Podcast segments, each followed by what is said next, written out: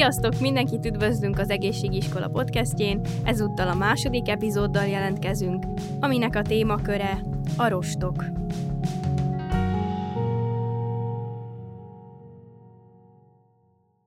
Szia Timi! Sziasztok! Üdvözlök mindenkit! Kezdhetjük is az első kérdéssel. Mi is az a rost? Én valójában csak úgy nevezem, hogy a rost a bélbolyhok csemegéje. Most sokan biztos el is gondolkodtatok azon, hogy mit érthetek ez alatt. Nagyon-nagyon egyszerű. Ami azt jelenti, hogy nélkülözhetetlen a szervezetünk egészséges működéséhez. Ha nem fogyasztunk belőle eleget, az élelmi rost hiánya számos egészségügyi problémát okozhat. Noha növényi rostot az emberi szervezet nem tudja megemészteni, így is nélkülözhetetlen számunkra. És milyen típusú rostokat ismerünk? Na, én most feltenném neked ezt a kérdést, akkor tudnád rá a választ? Hát őszintén még nem gondolkodtam rajta. Nincs is ezen semmi, és nem is kimondottan az miatt kérdeztem ezt a kérdést, hogy valaki akár megkérdőjelezhesse, hogy miért is ne tudnád akár erre a választ, de akár a közönséghez is, hogyha fordulok, vagy akik például járnak hozzám testfelmérésre, és szintén felteszem ezt a kérdést, nagyon-nagyon ritka ember, aki tudja erre a kérdésemre a választ. Tehát lássuk előbb a rostok típusait, mert ott nem csak egyféle létezik. Az élelmiszerekben kétféle található, oldódó és oldhatatlan. Tehát a legelső típus, ami azt jelenti, hogy vízoldékony rostok, mi alatt átjutnak a tápcsatornán, feloldódnak és zselés állagúvá válnak.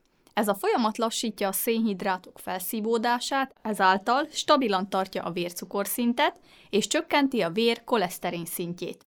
A vízben oldható rostok prebiotikus hatásúak, vagyis táplálják a probiotikus baktériumokat. Ilyen a bétaglukán, az inulin, valamint a pektin. Utóbbiak megtalálhatóak például az almában, a sárgarépában, a burgonyában és a hüvelyesekben. Bétaglukán tartalmaznak a gabonafélék, az élesztő vagy az algák.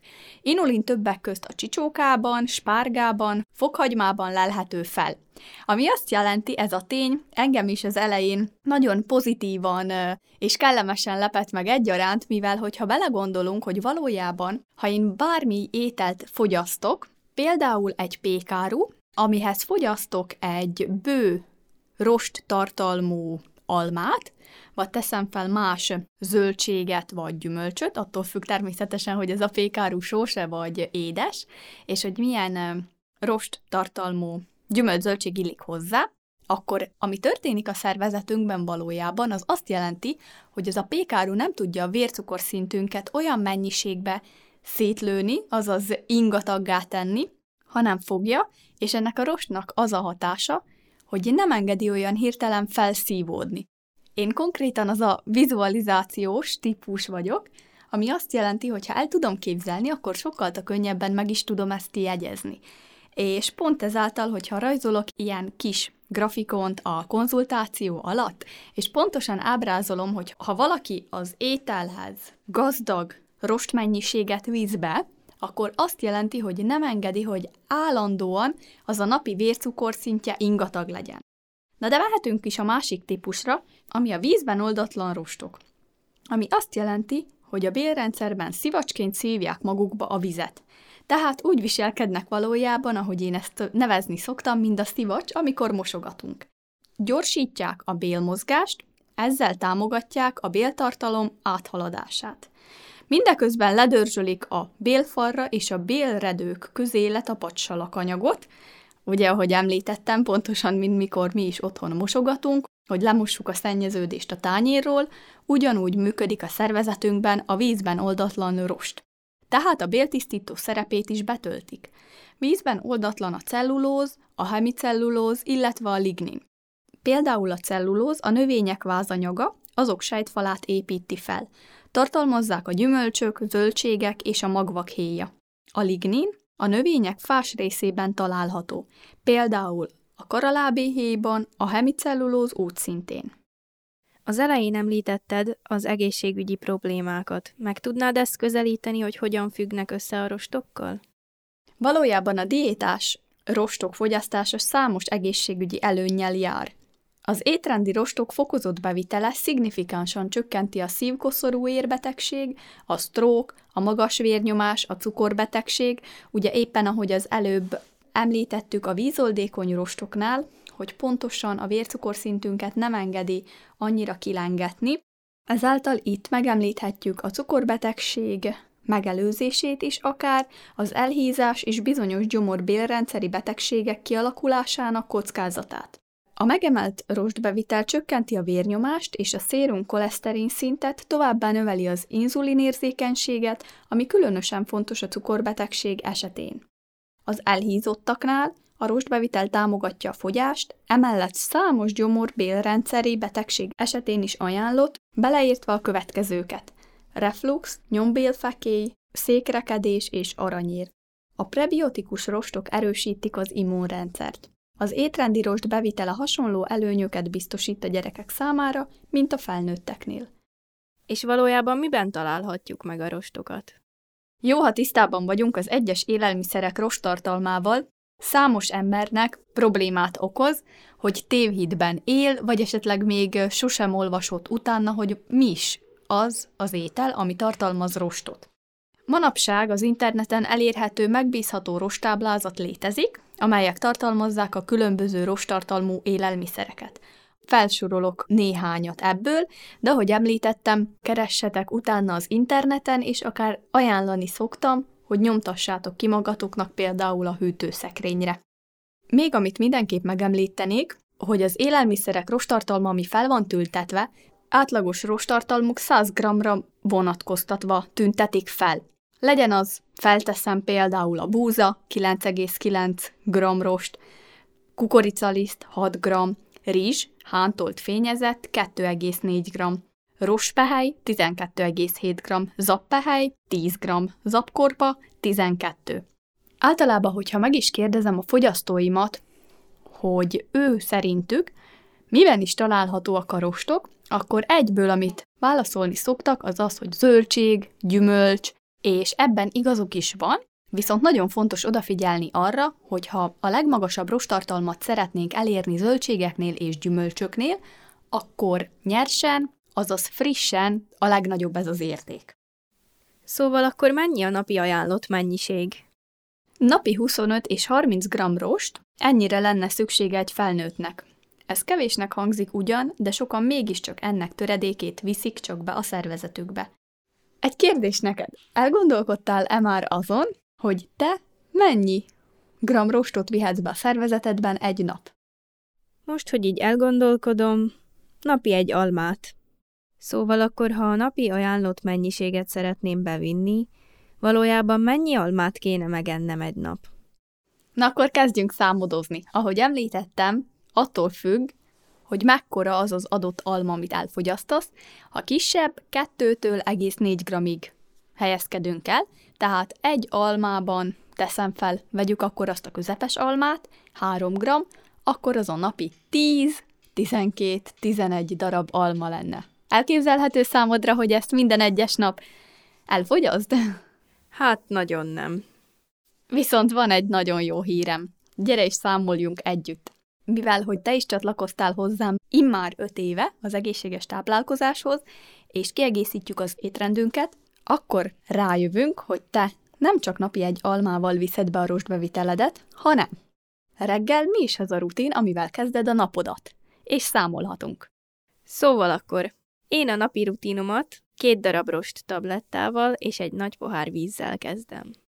És ott a pont nagyon-nagyon fontos az emberi test számára, hogy a rost tablettát, vagy bármely rostot, ha fogyasztunk, bő vízmennyiséget fogyasztjunk mindemellett a nap folyamán, mivel hogyha nincs ott az a víz, ugye és említettük, hogy az egyik típusa a rostnak az a vízben oldódás, mivel ha nincs miben feloldódnia, akár székrekedést is okozhat. De ehhez még később visszatérhetünk. Tehát nagyon-nagyon fontos, hogy a rost bevitelünk mellett a vízfogyasztásunkra is odafigyeljünk.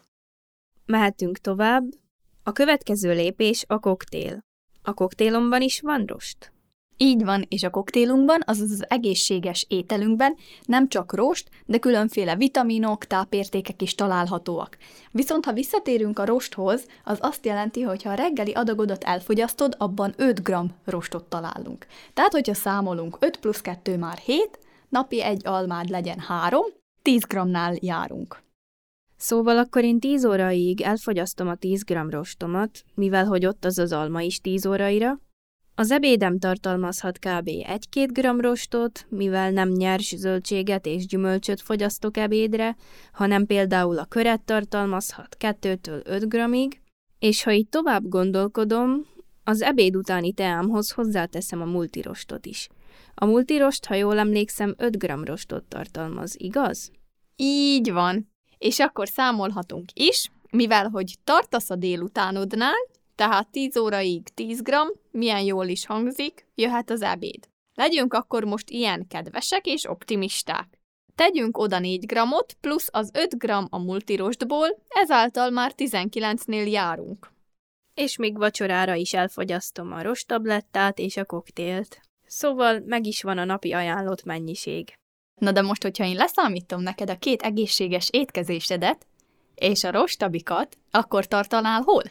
akkor tartanék kb. 8 g rostnál, mivel az alma tartalmaz 3 g és az ebédem 2-től 5-ig. Ahogy már a múltkor is említettem, hogy a fogyasztóink számára különféle egészségiskolákat indítunk, és ott kimondottan egy egész óránk van a rost elemzésére, miben mennyi, tehát ott még több időnk van erre, ezáltal ott feladatot is szoktak kapni a résztvevők, ami azt jelenti természetesen, hogy ezek önkéntesek, aki szeretni kiszámolhatja, aki nem nem, de általában az embereket elkezdi érdekelni, mivel hogy megtudják a sok jó hatását, és rájönnek valójában arra, hogy aki nagyon, de nagyon is odafigyel az étrendjére, és reggeltől estig kimondottan azt figyeli, hogy mennyi mennyiségű rostot tud beszerezni a szervezetében, akkor is a maximális mennyiség az 15-től 16 gramig volt, a termékeink nélkül például. Itt dömbentek rá, hogy nem is olyan egyszerű ezt a mennyiséget bevinni, és a másik dolog viszont az, ha elgondolkodunk, legyen az egy alma, banán, tehát hogyha több gyümölcsből szeretnénk ezt a rost mennyiséget összerakni, természetesen a zöldségek kalóriatartalma jóval kevesebb, de ha csak gyümölcsökből, akkor napi 6-7 porcióval kellene elfogyasztanunk, és ha logikusan és laikusan belegondolunk ebbe, akkor igaz, hogy gyümölcs cukor, de mégis cukortartalma nagyon-nagyon magas lenne, és ezáltal a kalóriaszintünket is túl tudnánk lőni. Így hát, amit még szeretnék kihangsúlyozni, ha figyelik is ezeket a rost táblázatokat, fontos, hogy megfelelően állítsák össze ezt a mennyiséget. Valóban elgondolkodtató ez a kérdés, hogy lehet-e ezt a rost mennyiséget bevinni a szervezetbe csak gyümölcsökkel és zöldségekkel. Bizony a termékek nélkül nekem sem lenne meg ez a napi ajánlott mennyiség, szóval nagyon hálás vagyok érte, hogy találtam rá megoldást. Akkor a következő kérdésem, mi történik, ha valaki nem eszik elegendő rostot? Sajnos manapság ez egyre gyakoribb jelenség. Teszem fel valaki kenyérrel, vajjal, esetleg szalámi sajtal kezdi a napot, 10 órait vagy fogyasztanak, vagy nem. Ebédre szintén klasszikus ételek, ott maximálisan 1-2 g rostot tudunk összeszedni, feltéve, hogyha nem sült hasább burgonyát eszünk ebédre kirántott sajtal. Az uzsonnánknál úgy szint, az emberek többsége kihagyja, mivel még érzi a telt érzetet, az ebéd után, vagy uzsonnázik, de lehet az újra egy kifli, sajt, sonka, bagett, kinek mi van kéznél, vagy általában, amiket még felszoktak sorolni, azok édességek, sósak, tehát ilyen rákcsálni való, és vacsorára megismétlik esetleg az ebédjüket. Na itt, hogyha összeszámoltuk, az lehetett 1-től 3-4 gramig, de ez is már úgy mondanál az adott személynél rekord és amennyiben az étrendünk nem tartalmaz kellő mennyiséget belőle, különböző kellemetlen tünetek, illetve súlyos betegségek alakulhatnak ki. Nem tesz jót a beleinknek, sőt, kifejezetten ártalmas a rostiányos táplálkozás. A leggyakoribb és legenyhébb következmény a székrekedés. Rostok hiányában a bélmozgása lelassul. Nincs, ami felpuhítaná a székletet és felgyorsítaná a béltartalom áthaladását a vastag bélen.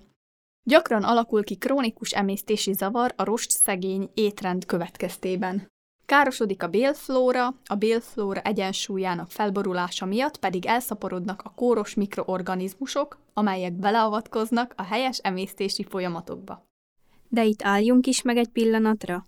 Miért károsodik a bélflóra, hogyha kevés rostot eszünk? Az étkezéssel elfogyasztott rostok segítenek a bélflórának felépítő probiotikus baktériumok szaporodásában. Ha éheztetjük őket, számuk lecsökken, és a helyüket patogén, azaz káros baktériumok foglalják el, amik többek között puffadást okozhatnak. Éppen ahogy az elejét indítottam, hogy a rost csemege a bélflóránknak, a bélbolyhainknak, tehát komplet az egész emésztőrendszerünknek. Például egy 2017-es tanulmány megállapította, hogy a rostban gazdag étrend szó szerint táplálja és megnöveli ezeknek a baktériumoknak a számát, illetve növeli a bélflóra sokszínűségét. Azok a salakanyagok, amik lerakodnak a vastagbélben, gyulladásokat idéznek elő, és számos emésztőrendszeri betegségnek szolgálnak alapul. Ilyen a vastagbélgyulladás, a vastagbél daganat, vagy például az aranyér. Az elhízás, a cukorbetegség és egyéb gyomorpanaszok is megelőzhetőek rostban gazdag táplálkozással. Ennek egyszerű a magyarázata. A rostok késleltetik a szénhidrátok felszívódását és növelik az inzulin érzékenységet, továbbá az étkezés utáni vércukorszint is kevésbé ugrik meg. Azzal, hogy ösztönzik a táplálék áthaladását a bélben, csökkenti a mérgező anyagok felszívódásának valószínűségét. És akkor miben nyilvánulnak meg ezek a hiányosságok? Milyen tüneteket okozhat a rosthiány? Tehát most lássuk a leggyakoribb tüneteket, amik a rostfogyasztás szükségességére hívják fel a figyelmet. Sokáig tartotta magát az az elgondolás, hogy a rost haszontalan a szervezetünk számára, végtére is nem lehet megemészteni. Ezzel a kérdéssel már találkoztam pályafutásom során jó párszor, mivel egyből azzal kezdem, hogy nem tudjuk valójában a rostokat megemészteni. Nos, Igaz, hogy emésztetlenül halad át a bélrendszeren, de közben több fontos élettani folyamatban is szerepet játszik. Megköti a káros LDL, koleszterint, növeli a béltartalom térfogatát, így a toxikus anyagok gyorsabban ürülnek ki az emésztőrendszerből. Lassítja a vékony bélben a glükóz felszívódását, segít a salakanyagok és a lerakódott egyéb mérgek eltávolításában, vagyis tisztítja a beleket. Az immunrendszer támogató rövidláncú zsírsavak, amelyek probiotikus baktériumok anyagcseréjének termékei, akkor keletkeznek, amikor rostokat fogyasztunk. Aki nem ügyel a rostbevitelre, annak számolnia kell egy sor kellemetlen tünettel. Például a puffadás, vagy esetleg a fáradékonyság is lehet egy tünet? Nagyon jó a kérdés. Konkrét az egyik nemzetközi kongresszuson, iskolázáson, ahol részt vettem, az egyik orvos csak is azzal foglalkozik a pályafutása során, hogy hogyan kommunikálnak a belek az agyunkkal. Tehát ami azt jelenti, hogy ha valami nem ül a bélrendszerünkben, egyből kiadja a jelet az agynak, és ez látható rajtunk. Legyen az, hogyha szomorúbb a hangulatunk, fáradtabbak vagyunk, mivel a bélműködéshez energiát használ el a szervezetünk, hogy meg tudjuk emészteni a benne lévő dolgokat. És a puffadás pont ez a legelső és egyben leggyakoribb tünet, aki rosthiányban szenved. Mivel hogy a puffadás a beleinkben lerakódó salakanyagok jelenléte miatt romlik a bélflóra állapota, és olyan káros baktériumok veszik át a jótékony bélbaktériumok helyét, amik többek között puffadást okoznak. Fáradékonyság, Akinek az étrendje mellőzi a rostot, az gyakran érzi magát fáradtnak. Ennek két oka van. A rostok felgyorsítják az anyagcsere folyamatot, így javul az emésztés hatékonysága, és nem von el plusz energiát a szervezettől. Másrészt a rostok fogyasztásával evés után kevésbé emelkedik meg a vércukorszint, ami álmosságot, fáradékonyságot okoz. De ezen kívül lehet az akár gyakori éhségérzet. A rostok lassítják a szénhidrát anyagcserét, ezáltal evés után kevésbé emelkedik meg a glukózszint. Ha nem szerepelnek rostok az étrendünkben, gyakran fognak el minket falásrohamok, és olyan édes ételeket kívánunk, amelyek a patogén, azaz káros baktériumok kedvenc eledelei. Valójában, ha őszintén belegondolunk, abba, ha hirtelen ránk jön a farkas éhesség, akkor nem egy grillcsibe rizssel jut az eszünkbe, hanem egy kis csokika, egy kis chips, egy kis sós. Mivel, hogy az agyunk regisztrálta az előző jelenlétekből, amikor ezeket az ételeket fogyasztottuk, hogy hirtelen megemelik a vércukorszintünket, ezáltal bekövetkezik a teltségérzet. Na de hosszú távon ez az egészségünknek nem épp a legoptimálisabb dolog. Ahogy előbb azt az iskolázást említetted, eszembe jutott, hogy amin én voltam, hallottam olyan információt, hogy az immunrendszerünk nagyban összefügg a bélrendszerünkkel. Ki tudnád ezt nekünk fejteni bővebben? Bizonyám, a kevés rostfogyasztás a legyengült immunrendszerrel is lehet egyenlő. A rostok fokozzák a probiotikus baktériumok aktivitását, ennek eredménye, hogy a baktériumok több B7, B12, K-vitamint állítanak elő. A B-vitaminok nélkülözhetetlenek az immunrendszer megfelelő működéséhez. A rost szegény étrend következtében a probiotikus baktériumok sem jutnak elegendő élelemhez, és kevesebb immunvédő hatású, rövidláncú zsírsavakat termelnek. Szóval akkor, ha belegondolunk, lehet ez a rost hiány az elhízás egyik tünete? Mivel, hogy ilyenkor nem tisztulnak megfelelően a beleink? Igen, előfordulhat, mivel a rostok teltségérzetet okoznak, és ahogy azt az előbb említettem, megszüntetik az éhségérzetet.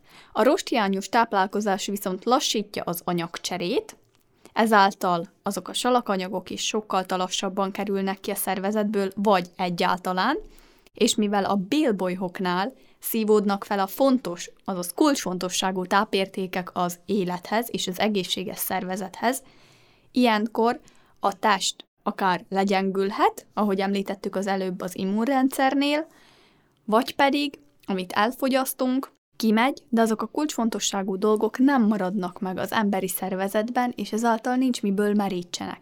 Így üres kalóriákat fogyasztunk, és fokozatosan, szépen lassacskán ez mind-mind ránk tud rakódni. Mivel hogy a rosthiányos táplálkozás emeli az LDL koleszterint és a vérzsír szintjét, így könnyebben felkúsznak ránk a kilók.